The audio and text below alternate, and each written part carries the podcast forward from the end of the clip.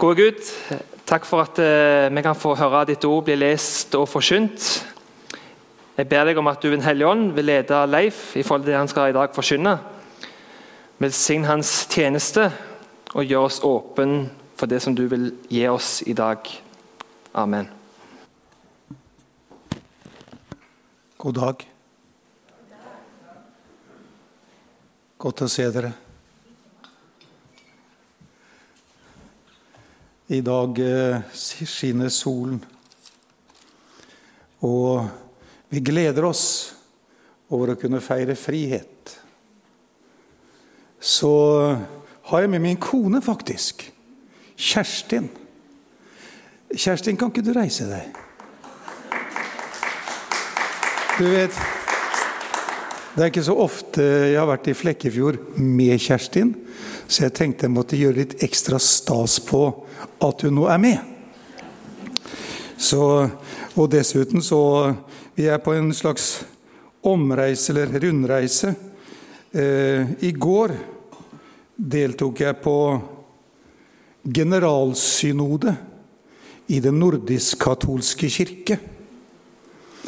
Eh, de som eh, trekker sin tradisjon tilbake til den udelte kirke, dvs. Si før 1050. Jeg ble oppringt av biskop eh, Ottar Mikael Nei, jo, Ottar Mikael Myrseth her tidligere i år. Og han spurte du Leif, kan du komme på vår generalsynode og holde et inspirasjonsforedrag om evangelisering? Og det er jo friskt. At en eh, traust, gammel, liturgisk kirke tenker på å vinne sjeler for Jesus. Det sa jeg ja til med en gang. Men eh, istedenfor å tale om evangelisering, så talte jeg, talte jeg om å gjøre disipler. For det er det det handler om. 100% for Jesus. Som de sier på arrangementet The Send i Telenor Arena all in for Jesus. Jesus er ikke en du kan ha ved siden av. Han er utgangspunktet og Herren. For dersom du med din munn bekjenner at Jesus Kristus er Herre, og at Gud oppvakte ham fra de døde, da skal du bli frelst. Og nå er vi her, i denne herlige menigheten, Metodistkirken i Flekkefjord. Jeg vet ikke om dere er klar over det, men eh, jeg har et spesielt hjerte for han som sitter der, Einar. Så eh, hver fredag fra klokken 10 til 10.30 så treffes vi på Teams. Eh, og har en samtale. Han setter agendaen. Og agendaen, det er det som ligger på hans hjerte. Eh, jeg tror faktisk at det er viktig at vi som er eldre, er med og løfter opp de som er yngre, og støtter de på ulike måter. Og Derfor ser jeg det som et privilegium, disse samlingene, Einar. Gud velsigne deg. Johannesevangeliet, kapittel 3, er utgangspunkt for det vi skal snakke om. Eh, det er to overskrifter over formiddagen her i dag. Den ene overskriften var det jeg Det som favner hele, eller alle de versene vi skal lese. Og den overskriften er 'En samtale i natten'. Og så er det en overskrift til, og da eh, fokuserer vi inn på det som dere har vært opptatt av denne våren. Hvorfor kom Jesus? Og da skal jeg forsøke å holde én preken, ikke altfor lang, hvor jeg favner to overskrifter. Men vi begynner med å lese fra Johannesevangeliet kapittel 3 og fra vers 1. Det var en mann blant fariseerne som het Nikodemus. Han var en av jødenes rådsherrer. Denne mannen kom til Jesus om natten og sa til ham, 'Rabbi, vi vet at du er en lærer kommet fra Gud.' For ingen kan gjøre disse tegnene som du gjør, uten at Gud er med ham. Jesus svarte ham, Sannelig, sannelig, sier jeg deg, den som ikke blir født på ny, kan ikke se Guds rike. Nikodemus spør ham, hvordan kan en mann bli født når han er gammel? Kan han for andre gang komme inn i sin mors liv og bli født?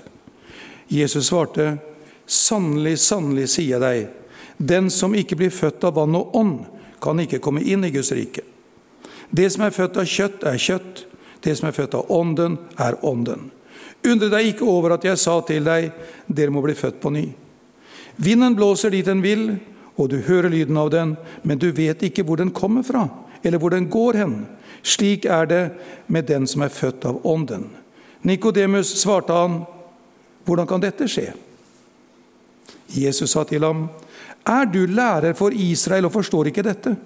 Sannelig, sannelig, sier jeg deg, vi taler om det vi vet, og vi vitner om det vi har sett, og dere tar ikke imot vårt vitnesbyrd.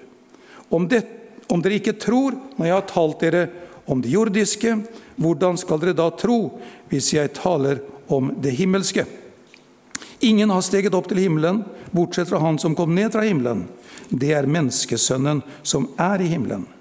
På samme måte som Moses løftet slangen opp i ørkenen, skal også menneskesønnen bli løftet opp, for, den, for, at hver den som tror på ham, ikke skal gå fortapt, men ha evig liv. For så har Gud elsket verden, at han ga sin sønn, den enbårne, for at hver den som tror på ham, ikke skal gå fortapt, men ha evig liv. For Gud sendte ikke sin sønn til verden for å dømme verden, men for at verden skulle bli frelst ved ham. Amen. Jesus tar imot folk om natten. Uansett hvor de kommer fra. Eh, du og jeg kan også komme til Jesus om natten. Enten vi opplever en prøvelsens natt i våre liv, eller vi er redde for at alle andre skal se at vi kommer. Uansett er vi velkommen til Jesus, og han tar imot oss. Nikodemus var en slik person. Han var en rådsherre. Det vil si at han hadde en skikkelig høy posisjon i samfunnet og i menneskers bevissthet. Han kom til Jesus om natten. Han var altså fremtredende, vel ansett. Og det er mulig han var litt forsiktig med å søke kontakt med denne mannen. Derfor kom han om natten. Det kan være flere grunner til at man kommer til Jesus om natten. Det er stille.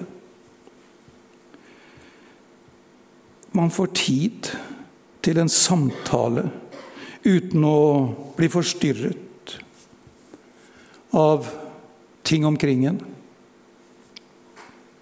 Når du og jeg ber om natten, så får vi også tid til å lytte til det han har å si oss.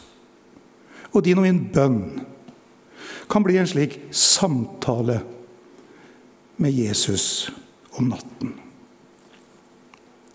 Kanskje du noen ganger opplever at det er vanskelig for å sove. Da kan du bruke tiden i bønn, i samtale med Herren. Han kan gi deg svar på spørsmål som du ikke tok deg tid til å lytte etter og lytte inn i døgnets lyse timer. Eller du kan kanskje oppleve at Jesus kommer til deg om natten, at du våkner. Og det er som en invitasjon til en samtale med Herren. Bruk slike stunder i bønn. Istedenfor å våkne på morgenen og si 'jeg sov dårlig i natt'. Så kanskje du kunne si 'jeg fikk en god samtale med min frelser i natt. Men her er det altså en fariseer, en eh, rådsherre, som kom til Jesus om natten. Om Nikodemus opplevde vanskeligheter og prøvelser, vet jeg ikke. Jeg tror faktisk han ønsket å bli bedre kjent med denne mannen. Eh, som metodister snakker vi om Guds forutgående nåde. Det at Gud arbeider på mennesker før de kommer til et bevisst standpunkt. Kanskje det var Den hellige ånd som hadde begynt å arbeide på Nikodemus og skapt en lengsel og et ønske om å bli bedre kjent med Jesus. Samtidig var han kanskje redd for å miste sitt navn og rykte. Derfor kom han i ly av mørket. Men han kom. Det er det viktigste. Uansett hvordan mennesker kommer. Det viktigste er at de kommer. Så begynner samtalen, og Jesus gir riktige svar på feil spørsmål. Men Nikodemus begynner med en interessant opplysning som ikke bare gjaldt ham selv, men som gjaldt alle fariseerne og de skriftlærde. Vi vet, ikke jeg vet, vi vet at du er en lærer kommet fra Gud. Det danner noe av bakgrunnen for Jesu vrede mot fariseerne. De så hva han gjorde. De hadde hørt Johannes' vitnesbyrd, se deg Guds lam som bærer verdens synd. De så gjerningene. De kunne lese i Skriftene. De skjønte mer enn de var villige til å innrømme. Derfor kom de inn under en dom, fordi de visste hvem de angrep når de angrep Jesus. Men de satte sitt eget rykte og sin egen stand høyere enn å bøye seg for Frelseren. Vi vet allikevel motarbeidet de ham. Derfor var de uten unnskyldning. De visste, men var blinde. Det er ingen uvanlig kombinasjon for øvrig. Eh, Nikodemus forklarte altså hvorfor de visste hvem Jesus var. Mens han var i Jerusalem, sier Johannes, i påsken under høytiden, var det mange som kom til tro på hans navn da de så tegnene han gjorde.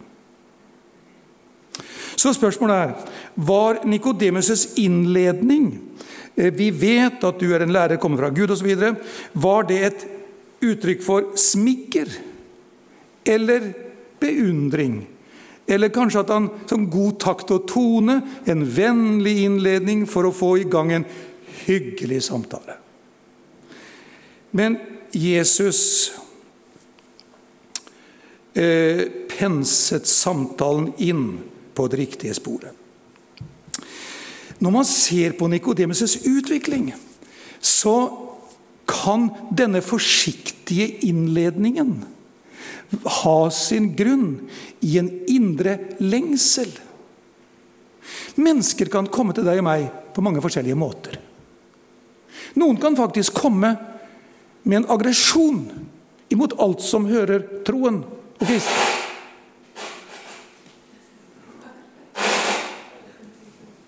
Og kristenlivet til. Men forsøk å se forbi den aggressive innledningen.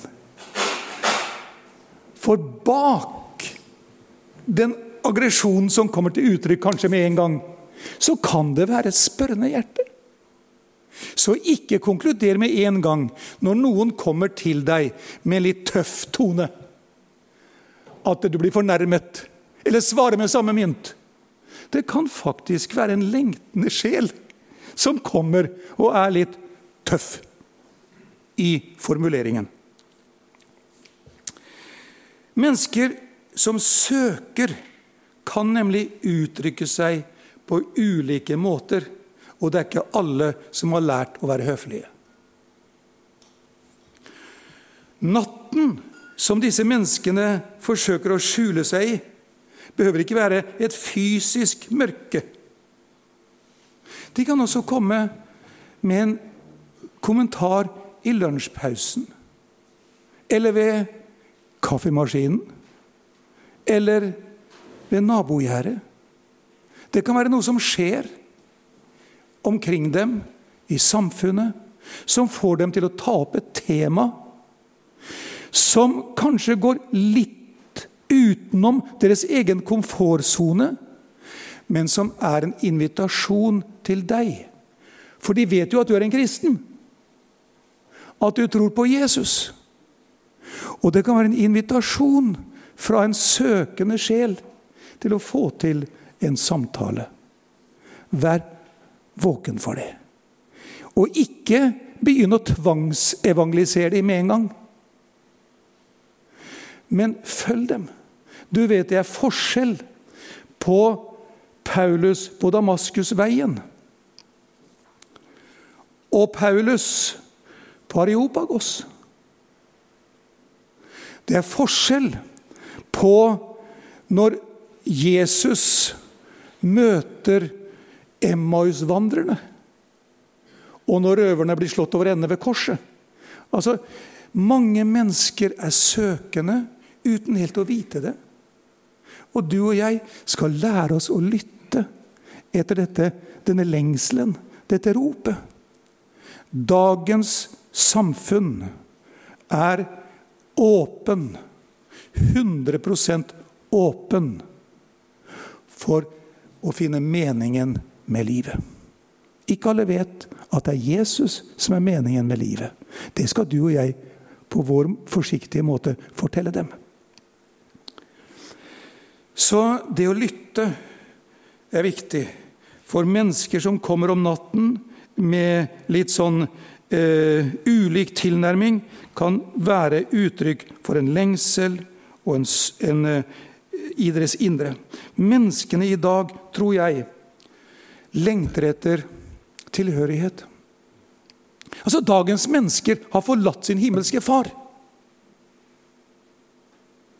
Hvorfor tror du at menneskene i dag avskaffer far som modell? Far som person i hjemmet? Ja, De har jo for lengst avskaffet sin himmelske far. De har jo ikke noen formening om hva en far egentlig er. Derfor greier de seg uten far. Det holder med en medmor. De vet jo ikke hva far handler om i det hele tatt. Men mennesket har en lengsel, slik som Augustin sa. Gud Min sjel er skapt av deg, og den finner ikke ro før den hviler hos deg. Slik er det med dagens mennesker. Dagens mennesker lider av at de har forlatt Gud, men de lengter tilbake til ham. Vi er jo skapt av Gud. De lengter etter mening med livet. De lengter etter tilhørighet. Og Da er det viktig at du og jeg vet forskjellen mellom følt behov og reelt behov. Følt behov, det er den situasjonen menneskene lever i, og den, de behovene det avstedkommer. Det reelle behovet, det virkelige behovet, det er å finne tilbake til sin himmelske far. Han som alene kan tilfredsstille fullt ut. Nikodemus spurte ikke, allikevel ga Jesus ham et svar. Du må bli født på nytt. Og denne gjenfødelsen den eh, er tema for en del av denne samtalen. Eh, vi er midt inne i dette med hvorfor kom Jesus? Jo, Jesus kom for å gjenopprette det som fallet hadde ødelagt. Det tok ikke mange vers ut i kapittel 3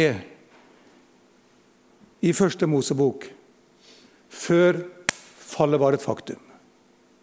Og Gud kom inn på banen. Mennesket hadde syndet.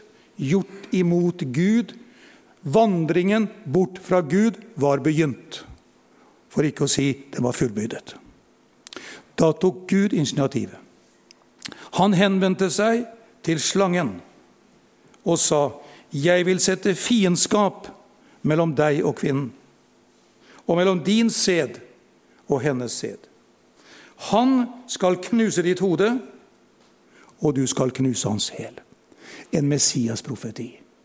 En profeti som peker fram mot hvorfor Jesus kom. Jo, for å gjenopprette fallets konsekvenser. Det skulle skje ved lidelse. Du skal knuse hans hæl, korsfestelsen på korset, døden i ditt og mitt sted. Men han skal knuse ditt hode. Derfor ble Guds sønn åpenbaret at han skulle gjøre ende på djevelens gjerninger. Djevelen er beseiret. Men som vi feirer i dag, frigjøringsdagen Du kunne ikke se at nazistene var slått etter slaget ved El Alamein i Nord-Afrika eller etter D-dagen, invasjonen i Normandie. Men da var fienden beseiret. Vi kan heller ikke i dag se at alt er Jesus underlagt, som hebreverne sier. Vi kan ennå ikke se fullt ut at djevelen er beseiret og tilintetgjort. Men Jesus, han ser vi. Fordi han led døden, kronet med herlighet og ære. Så Jesus kom for å opprette det syndefallet hadde ødelagt. Og Jesus kom for å sone all verdens synd. Der i Edens hage, Adam og Eva med fikenblad så sin nakenhet. De hadde syndet. Da tok Gud initiativet. Han lagde klær. Av skinn, står det. Det betyr at et dyr måtte bøte med livet for at klærne kunne lages. Gud var det første skredder. Han lagde klær og kledde Adam og Eva med. Og i det pekte Gud profetisk fram imot Jesu Kristi forsoningsdød. Og din og min dåp. For alle dere som er døpt til Kristus, har ikledd dere Kristus. Dåpen, troen og dåpen som et synlig bevis vi tilhører Kristus. Vi er skjult i ham. Så Gud tok initiativet til å samle, til å skjule konsekvensen av syndefallet. Så Jesus kom for å sone all verdens synd. 1. Johannes 2, hør.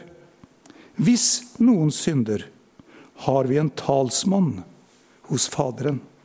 Jesus Kristus, den rettferdige. Han er selv soningen for våre synder. Ja, ikke bare for våre, men for hele verdens. Og det tredje Jeg har tre punkt akkurat der. Det tredje Jesus kom for å føre oss tilbake til fellesskapet med den treenige Gud. 1. Peter 3,18 sier, for også Kristus led én gang for synder. Den rettferdige for de urettferdige, for at han skulle føre oss fram til Gud.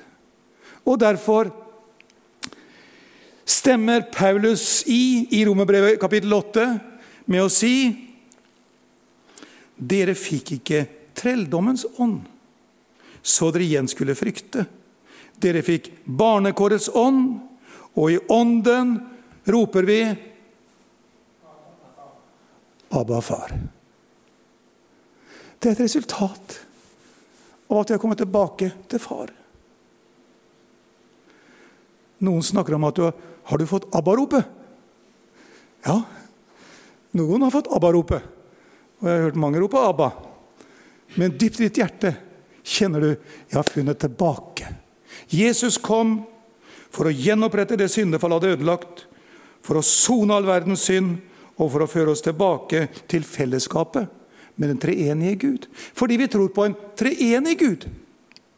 Vi tror ikke bare på Gud, på Jesus, på Den hellige ånd. Vi tror på den treenige Gud. Og faktum er at ganske tidlig i kirkens historie, i oldkirken, så utformet man en bekjennelse som slo fast treenigheten som et grunnleggende kristent dogme eller læresetning. Vi tror på og bekjenner en treenig Gud. Fader, Sønn og Hellig Ånd. Tre personer i én guddom. Én Gud fra evighet til evighet. Og du vet, du har kanskje hørt om kirkemøtet Ikea i 325. Der skjedde det mye. Det var et kritisk eh, tidspunkt i kirkens historie. Én ting var nå at det var Konstantin, keiser Konstantin, den verslige keiseren Konstantin, som da hadde tatt ved troen, som satt som ordfører, eller ordstyrer, i, eh, ved det kirkemøtet i Ikea i 325. Eh, det er jo liksom toppunktet på enhet mellom kirke og staten, som i mine øyne er noe en uting. Men det er noe så. Men der ved kirkemøtet i Ikea så vedtok man den nikenske trosbekjennelsen.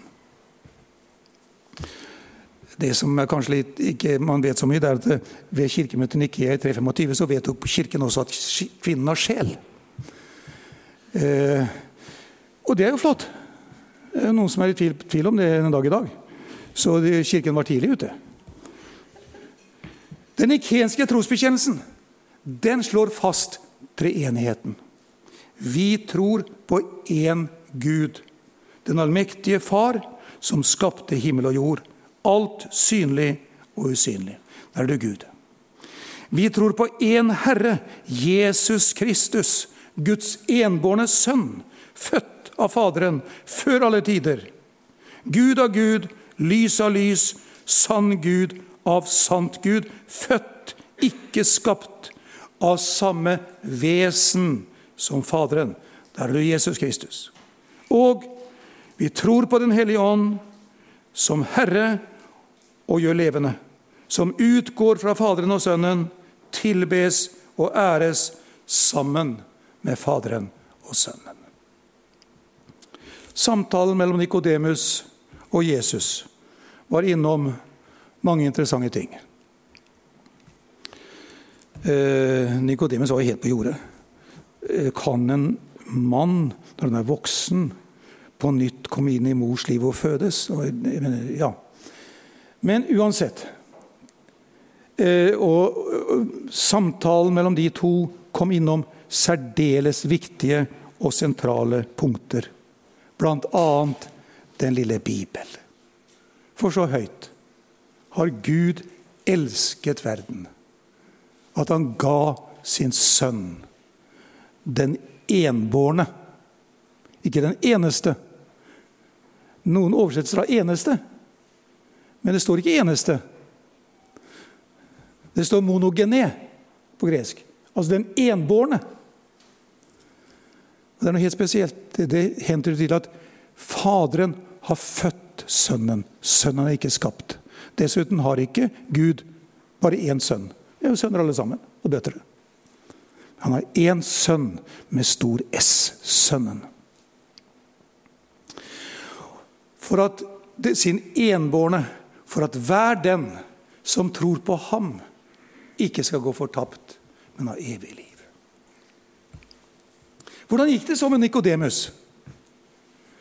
Den eh, begynnende troen som førte ham til Jesus om natten. Hvordan gikk det med den? Ble hans samtale til noe mer enn en interessant samtale?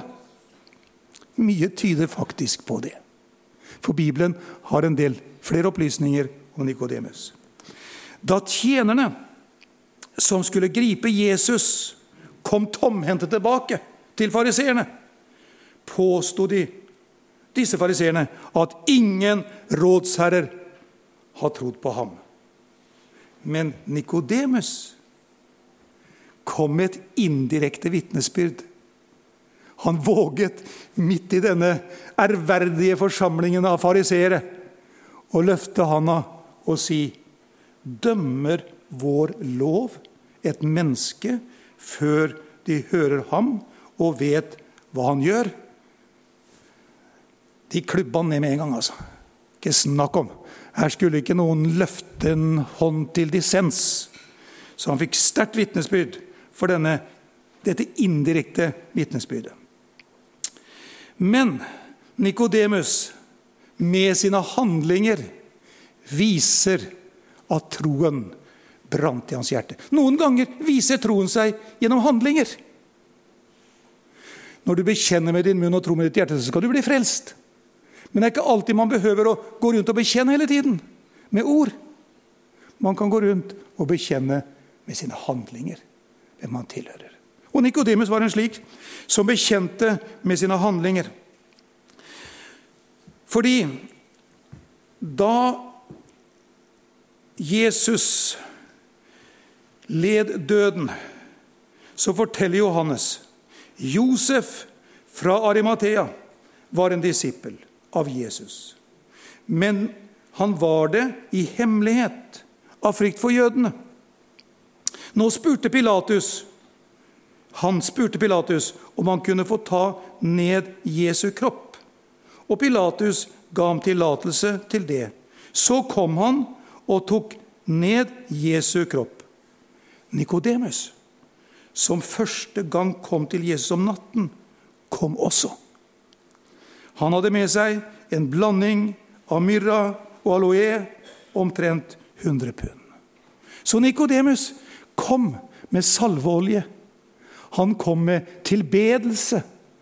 Han kom med noe verdifullt for å gi til sin frelser.